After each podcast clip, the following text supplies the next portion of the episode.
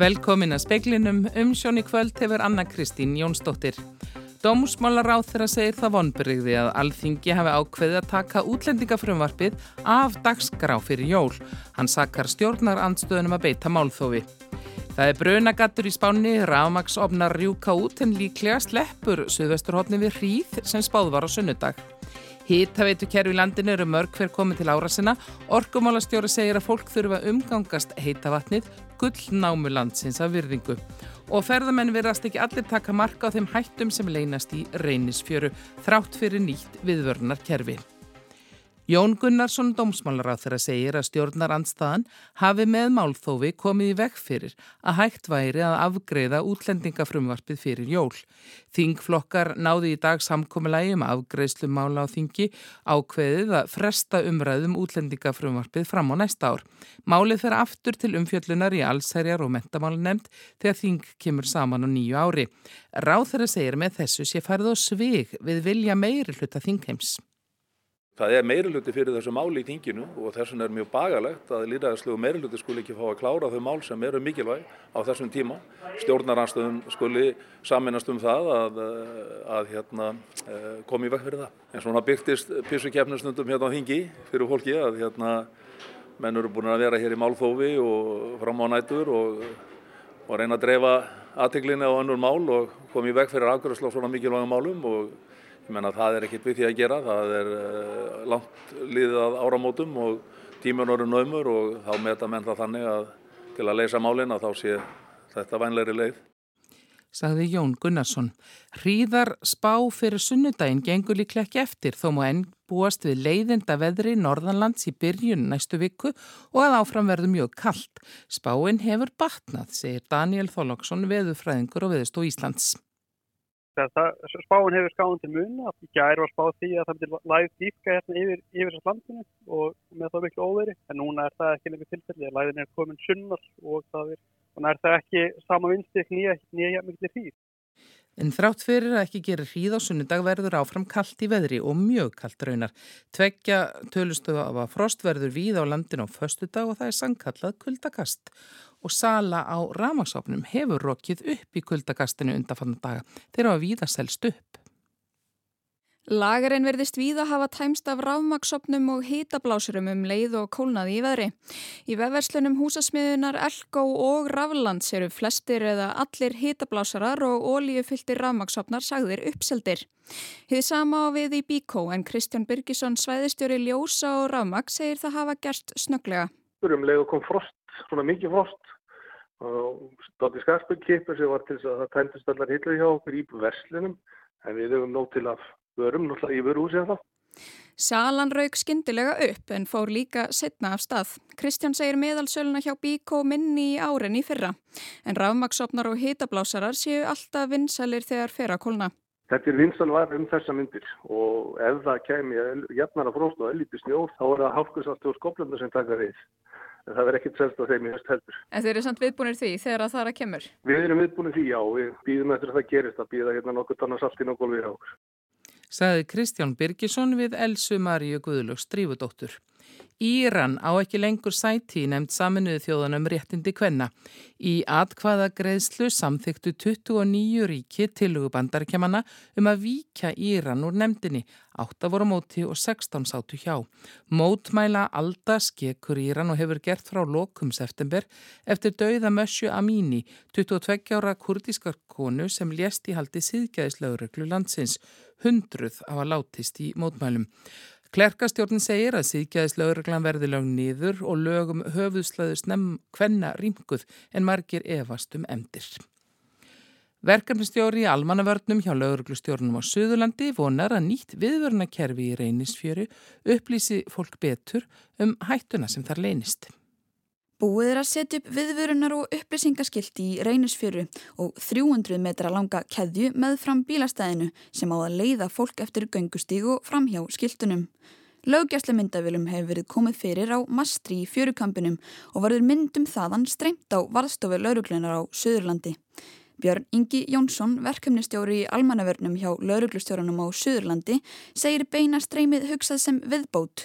Vélarnar séu ekki vaktaðar allan sólarhingin ljósastýringin er beintengt við öldurspórkerfi veðakerrinar. Þannig að þeir eru með öldurforsmælingar og útreikningar og, og, og búið að taka söguna aftur í tíman og skoða við hvað aðstæður er í raun og veru mesta hættan á, á þessum hættulegu öldum sem hafa verið að hýrsa, hýrsa fólk og þá er raun og veru blikka þessi ljós í takt við þær aðstæður.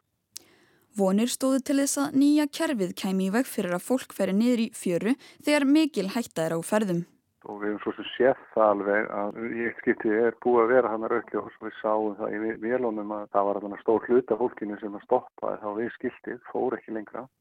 Á nýlugu myndskeiði sem hefur verið dreift á samfélagsmiðlum sérst þó að viðvörunarkerfið fóru í gang en ferðamenn tóku ekki allir marka á því. Stór alda feldi ferðamenn sem náðu þó að koma sér aftur í fjöruna. Við getum náttúrulega ekki gert meira en í raun og veru bara upplýsa eftir bestu getu og einn skýrt og greinilega og svolítið axlábyrð á eigin gjörðum. Við komum aldrei 100% í veg fyrir að neitt fara þetta neyri fjöru sko. Saði Björningi Jónsson, Rebecca Líf Ingadóttir tók saman. Magapestir, öndunafæra síkingar og COVID-smitt herja á fólk norðan heiða, hjúkunarheimili á Norðurlandi eistra reyna eftir fremsta megni að forðast að þurfa herða sótvarnareglur fyrir jól.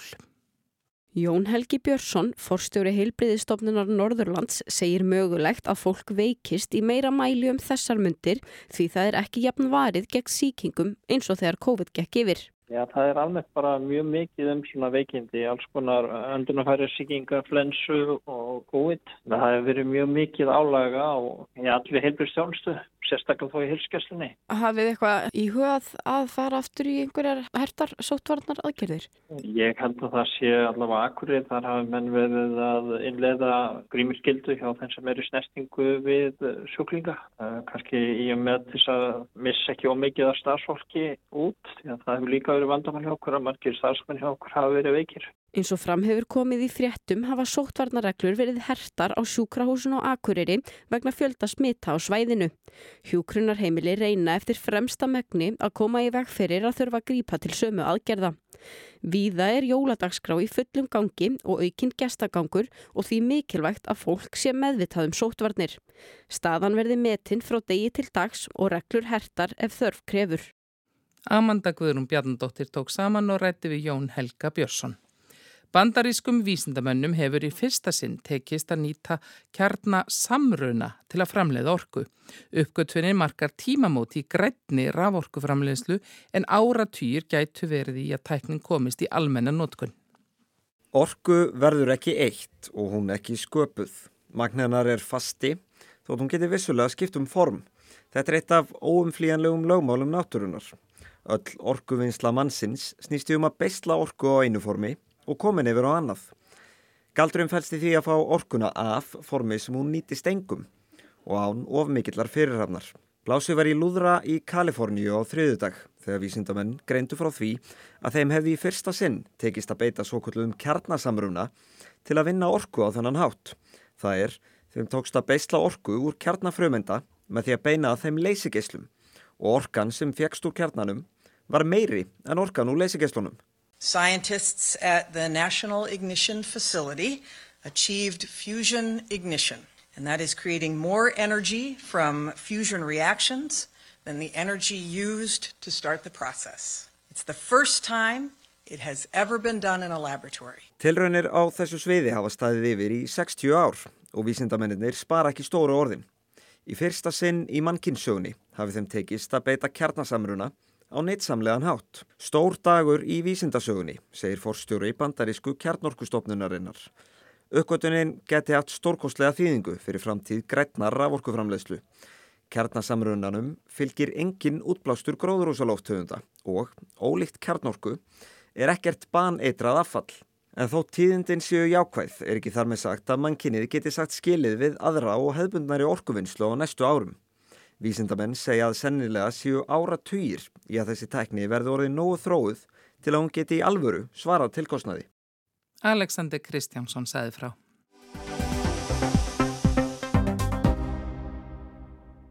Það er kallt úti og það stefnir í að vera kallt áfram. Þessu finnur hver sem á erindi út fyrir húsinn styr fyrir þessa dagana og kuldin setur stryk í reikningin í heitavatninu. Fjórum sundlegum var lokað á Suðurlandi að beðinni veitna til að koma í vekk fyrir heitavasskort og selfosslaug var lokað vegna bruna í dæluskúr. Til skoðunri er hvort að greipi verði til sömuður aðstafan á höfuborgarsvæðinu. Ekki varð af því í dag en staðan verður metin á morgun. Sundgarpar gætu því þurft að gera sér kaldapottin að góðu. Þetta kuldekast er svo sem ekki það versta sem sögur fara af en engu að síður heyrir það til tíðinda að ekki sé til taks nóg af heitu vatni á Íslandi. En við erum eftir vil ansi góðu vön eins og tala hefur verið um í tengslu við orkukrísu í heiminum. Hallarhund Logadóttir, orkumálastjóri, segir að við þurfum að umgangast heitavatnið sem hún kallar gullið okkar af virðingu. En hver er staða heitavetna á Íslandi í stóra saminginu? Það er vissulega þannig að margar þeirra voru byggðar fyrir all nokkrum áratögum. Sumstaðar er komin tími á viðhald, eh, annar staðar hefur í raun og veru hverfi stækkað eða fleiri búa á, á, á stöðunum þar sem að, að uppalega hitaveitan var nýtt. Þannig að það má kannski segja að viða sig komin þörf á bæði að, að bæta fluttningskerfið, það hvernig við raun og veru fáum vatnið til okkar og svo líka komin tími á að abla meiri forða, við þurfum eh, meiri jarðheita til að mæta þörfum í dag og þörfum framtíðarinnar. Þannig að aðstæðnar eru ólíkar eftir landslutum og það er eitt af því sem að orkustofnun er að gera þessa dagana í samvinnu við Ísor og Ráðunetti er að horfa daldi á, á landi í heilsinni, framkoma eins konar áhættu greiningu og, og horfa til þess hvar þurfum við að gera betur. Þú talar um íbúa fjölgununa, já, höfum við gert nóga því að bor eftir heitu vatni samhliða þessar íbúa fjölgun? Auðvitað kemur, kemur þetta í skrefum, stundum er verið að þétta byggð eins og segi, stundum er eh, verið að byggja upp ný svæði En í svona, ef við horfum bara að því við komstum á kuldakastið sem við erum akkurat að upplifa núna, þá má kannski segja að, að það sérstaklega sé tímabundið ástand, það sem við erum að upplifa akkurat núna hérna á höfuborgarsvæðinu, að því leiti að, að þegar það verður svona kallt í veðri, þá skrúa allir frá opnunum og þá flæðir heitavatnið í öðru magni inn á hvert heimili og þá að því við erum bara að tala um innviði, bara pýpur sem geta borið á hverju magn og svo framvegs, að þá er það mjög skinsanlegt hjá veitunum að uh, horfa á það hvernig við þurfum að, að setja heimili í forgang og annað. Þannig að það má gera ráð fyrir að þessi forgangsröðan hens og hefur byrst í, í tímabundinni lókun og sundlegum og öðru eða umræður um það, sé tímabundi ástand. En hins vegar þarf að horfa líka á lengri tíman og þar kemur þessi aukna eftirspurn, fólksfjölgun og, og annað enni sem að horfir bæði á, á, á flutningsgetuna en, en líka það að við þurfum að kannan í svæði og, nýt, og líka nýta hlutina betur. En er ykkur áform um það að stækka veiturnar sem eru komin á tekniborði nú þegar? Já, það eru alls konar áform í skoðun. Ef við horfum til dæmis á höfuborgarsvæðið þá er verið að rannsaka krísuvíkusvæðið til dæmis. Kjalarnes hefur líka verið í, í skoðun og svo framvegs. En svo er líka mikilvægt að horfa til þess að við tökum jarðhittanum sem að ég vil kalla, sko þetta er gullið okkar, þetta er gullnáma Íslandinga að hafa aðganga þessari auðlend sem að ekki bara hitar húsin okkar, heldur eru við líka að tala um að, e, að við nýtum þetta í heilsurakt og matalaframlöslu og, og allt þetta. Vi, við þurfum að fara vel með hana því að þó að hún sé, við séum rík af að jarðhittanum, að þá er, hún, e, er, er þetta ekki endalus auðlend. E, þannig að við getum líka gert svo miklu betur þegar að kemur á því að passa upp á að stilla opnan okkar rétt ekki hafa gluggana opna og annað. Við þurfum að breyta hugafærinu samlega því að við erum að horfa á meiri nýtingu. Hvoru tveggja þarf að vera hluti af framtíðasinni? Einmitt, erum við, ekki svolítið góðu vön? Maður finnir það að fólki sem að flýst til dæmis erlendis að það fær hálgjast sjokk við það og tala nú ekki um núna þegar orkuverði í Evrópu og, og víðar er eins og það er. Erum við ekki svolítið sóðar með heitavatnið? Við erum það og það eru klálega tækifæri fyrir okkur bara að fara yfir opnana, passa þeir séu stiltir og þrjá, kíkin í Svefnarbyggi er opnið þar á tveimur og reyna að vanda okkur varðandi, eh, hita, varðandi það hvernig við opnum glugga og annað og eitt af því sem við erum líka að gera í orkustofnun er að við erum að vinna með mannverkistofnun. Þeir eru að gera ótrúlega spennandi hluti þegar kemur að hönnun bygginga og öðru, hvernig getum við passað upp á sjálfbærni í, í þeim hluta og við erum að koma inn í verkefni með þeim þar sem við erum að skoða þessa nýtni hvernig getum við passað upp á að við séum að hanna byggingar framtíðarinnar þannig að við nýtum orkuna samankort að það er jarðþetta að raforka sem allra best. En hvað með eins og í skipulagsmálum og svoleiðis, hvað, hvað var það heita vatnið? Nú heyrum við það á fólki að því finnst skjóta skökku við að hlutir eins og sundlegum, almenningssundlegum sér lokað en ekki hlutum eins og balónum og, og, og slíku þarf að taka þetta með inn í reikningin í skipulagi og hvernig, hvernig heitavatninu er útdeilt til stórnótunda? Já eins og hortir á þetta varðandi eh, núna þegar verið er að horfa á þetta kuldakast til dæmis að þá verið einmitt að horfa það að, draga á nótkundi starri nótundaði sem eru sundlegar í þessu tilfelli. Ég held að almennt varðandi öðlindanýtingu og þegar það er meiri eftirspurn og nýting og við erum með bæði takmarkaðar auðlindir og, og líka takmarkaða flutningsketu að þá þarf alltaf að horfa á þessa hluti en stóra málið er að, að uh, horfa það að heimilunum sé forgánsraðið. En við horfum aðeins fram á veginn, er þetta bara ástandi sem við erum að fara að lega við að þegar það kemur kuldakasta þá þurfum við að setja tapan í? Ég held að það sé alltaf gott fyrir okkur að, að vanda nýtinguna og, og vanda nótkunna að, að, að fara sparlega með. Það skiptir máli ekki bara fyrir okkar kynnslóð, heldur gerir það að verkum að við erum þá að nýta auðlendina með sjálfbæri hættu og gynna þá nýtt hvert og eitt svæði lengur. Og það hlýtur að vera eitthvað sem við stefnum að, ekki bara fyrir okkur heldur fyrir börn og barnabörn og, og, og, svo, og svo framvegs. Þannig ég held að það sé alltaf mikilvægt sjónamið segir að veitukerfi það er árið komið til ára sinna við það. Hvað sér þið fyrir að verði gert í því, í því? Þarf að fara að gera eitthvað áttak í því að taka veitukerfi í gegn? Er rosalega misjant hvernig staðan er eftir ólíkum landslutum og öðru. Það sem að heita vitu við til dæmis eins og í Reykjavík hófst til til að snemma. Þar hefur kannski meiri endur nýjan átt sér stað heldur en á svum öðrum stöðum. Þannig að það er ekki hægt að kannski festa fingur á eina löst sem á við allstar.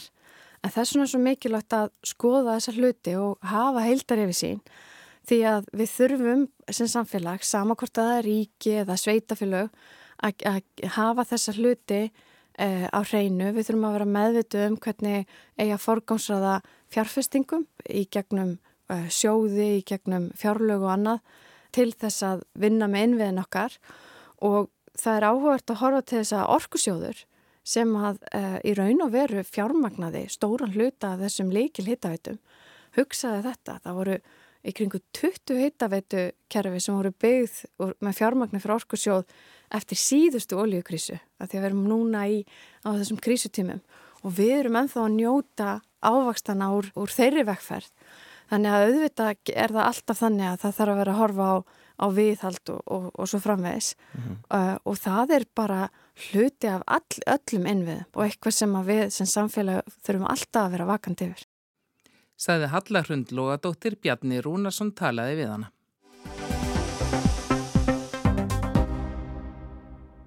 Formaður BSRB gaggrindi það gæra konur varu líkt sínilegar við undirritun samningana sem gengi var frá hjá ríkisáttasemjara í vikunni.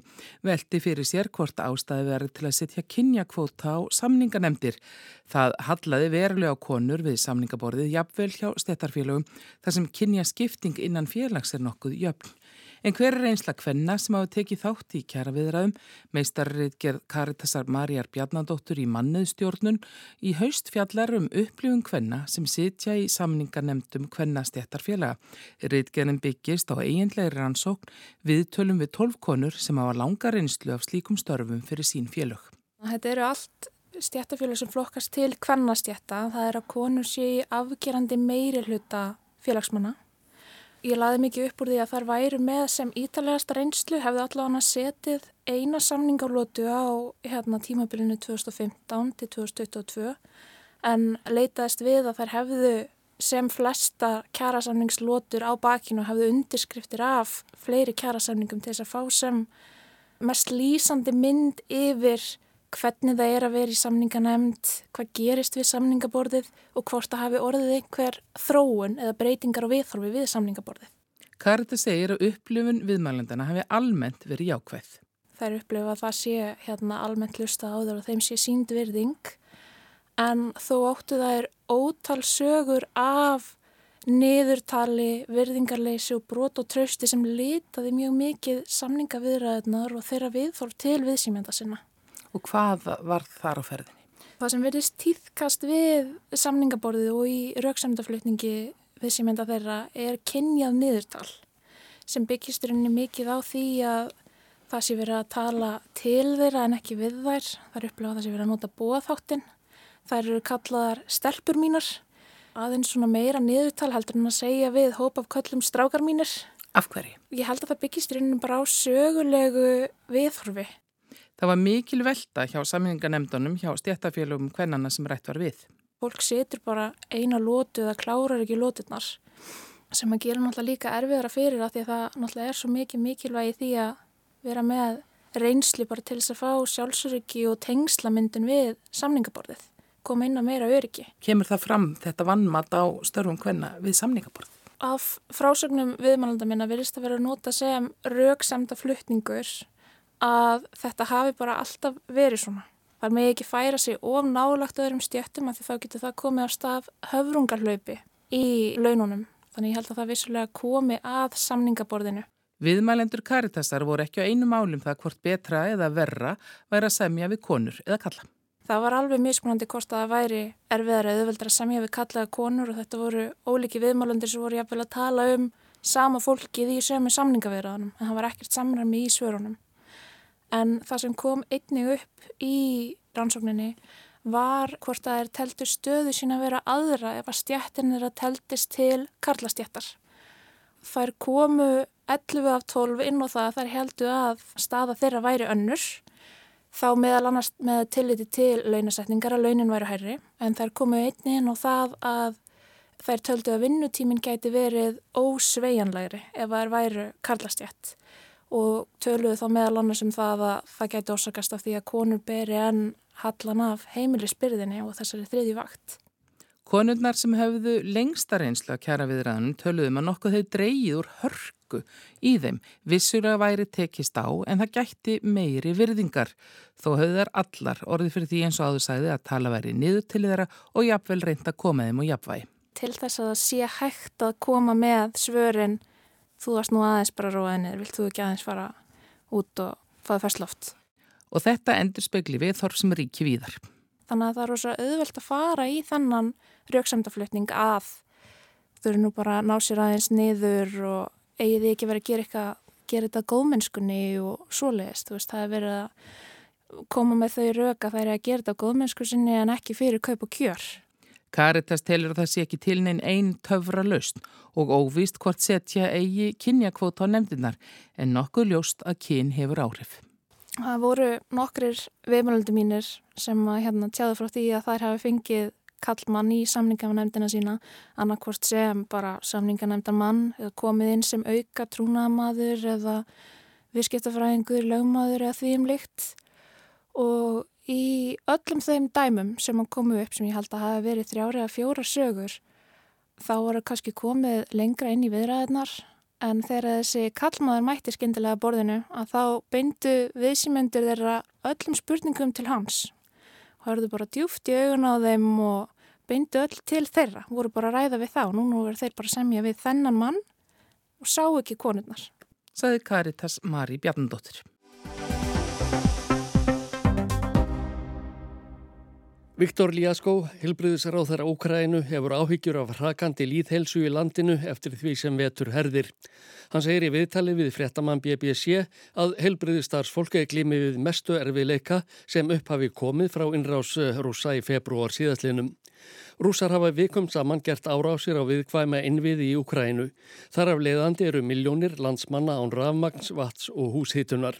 Sjúkrahús og heilsugeslustöðvar viða um land er einungis hægt að starfrækja með varaaflstöðvum sem ganga fyrir bensinni eða díselolíu. Líaskó segir að yfir 1100 heilbriðistofnanir hafi orðið fyrir árásum innrásarliðsins. Þar af séu 144 óstarfhæfar. Af þessum sökum segir hann að heilbriðistarfsfólk þurfið að vera viðbúið afar erfiðum aðstæðum, engum í rámaksleysi.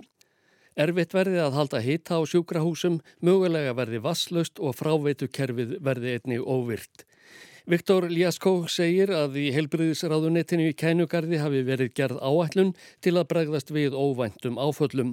Því hefur verið beint til stjórnenda sjúkrahúsana að takmarka innlagnir sjúklinga sem þurfa að gangast undir skurðaðgerð eða önnur vandasum læknisverk. Neiðar tilvik segir hann að eigi að veri í forgangi svo sem meðferð við áfallaröskun og ýmislegt annað sem tengist stríðinu við rúsa. Hilbriðis yfir völd séu sér meðvituð um margvíslegar óbeinar afleiðingar stríðsins og nöðsinn þess að bregðast við þeim. Ástandið farið að líkindum að leiða til þess að líðhelsu raki í landinu. Ráþæran byður erlendar þjóðurum að koma helbriðis yfirvöldum til aðstóðar með því til dæmis að úttöga sjúkrahúsum landsins vara afstöðvar, rafmagsopna og annan búnað sem nýtist þegar rafmagn fer af vegna árása óvinnarins. Íbúar í kænugarði vöknuðu skömmu fyrir sex í morgunastæðartíma við loftvarnarflautur þegar þær voru þeittar vegna dróna árása á miðborgina. Volodymyr Selenski fórseti skýrði síðar frá því að tekist hefði að skjóta alla drónana nýður áður en þeir náðu áfangastað. Ekkert mann tjón varð en fimm byggingar í miðborginni skemmtust þegar brakur drónunum lendi á þeim, þar á meðal eitt íbúðarhús. Forsetin sagði að vegna skjótra viðbræða ukrainska hersins hefði tjónavöldum árásarinnar orðið minna en oft áður. Hann rósaði hernum fyrir árvegnina. Drónarnir sem rúsar beita í Ukrænu eru framleitir í Íran. Varnarmálaráðuneytið í Breitlandi skýrði frá því í síðustu viku að rúsnarska hernum hefði borist nýsending af drónum. Þeir eru einn nota ef svo má segja þar sem þeir springa þegar þeir hæfa skotumörkin. Árásin í morgun þykir staðfesta að herin hafi byrt sig upp að nýju af írönskum drónum. Bandaríska útvarpstöðin Voice of America hefur í dag eftir heimildarmann í varnarmálaráðunetunni í Washington að tilkynnt verði í vikunni að bandaríkjaman ætli að sjá Úkrænu hér fyrir Patriot loftvarnaflögum, háþróuðu eldflögakerfi sem á að ebla til muna varnir gegn flugskeita á dróna árásum rúsa. Joe Biden, bandaríkjaforseti, verður að gefa samþykki sitt fyrir því að Patriot eldflugarnar verði sendar til Ukrænu. Þær eru mun öblúri og landdrægari en önnur vopp sem bandaríkjaman hafa útvegað Ukrænumannum til þessa. Legið hefur í loftinu um skeið að til þess gæti komið að Ukrænumenn fengju Patriot flugarnar til afnóta. Dimitri Peskov, talsmaður stjórnvalda í Rúslandi, var á dögunum endur eftir viðbröðum rúsa ef til þess kæmi. Hann sagði að brúðist yrði við með viðegandi hætti ef NATO sendi patriotflögar til Úkrænu og mannskap til að beita þeim. Ну, безусловно, безусловно, но я не стал бы пока все-таки комментировать, потому что это все сообщения СМИ. В наше время сообщения СМИ вещь ненадежная, поэтому дождемся какой-то официальной информации. Við skulum ekki fullir það neitt að svo stöttu því þetta eru aðeins óstaðfestar frettir í fjölmiðlum, saði Dimitri Peskov. Þær eru óeóreðanlegar nú á tímum. Við skulum býða eftir opimberi staðfestingu. Frans Páfi bað fyrir ukrainsku þjóðinni og gerði píslirennar að umræðu efni í hinni hefðbundnu miðvíkudagsmessu sinni í Pávagarði í morgun. Hann sagði að vissulega værið að falleg hugsun að fagna jólum en réttast væri að halda eðslunni í hófi og að þessu sinni og skiptast á ódýrari jólagjöfum en venjulega. Io vorrei attirare l'attenzione un po' sul prossimo Natale, anche le feste, è bello festeggiare il Natale e fare le feste, ma abbassiamo un po' il livello de, delle spesse di Natale, così si chiamano. Sendum það sem sparast til Úkrænu, sagði Páfi. Þjóðin þjáist. Hún sveltur, skelfur í kuldanum og fólk hann að deyja því læknar og hjúkrunarfólk eru ekki til taks. Gleimum ekki úkrænsku þjóðinni um jólinn, geimum hana í hjörtum okkar og styrkjum með beinum hætti. Ásker Tómasson saði frá. Veðurhorfur það verður fremur hæg, norðalega átt og víða bjartviðri, dáli til jélum landi norðaustanvert og áfram kallt í veðri. Fleiri ekki í speklinum í kvöld, fréttir í sjómarpi verða að leik á HM lokrum klukkan nýju, yfirlill þeirra lesi nú klukkan hálf sjö. Útarsfrétti klukkan tíu og alltaf fréttir á vefnum. Tæknumæður var Mark Eldredd, veriði sæl.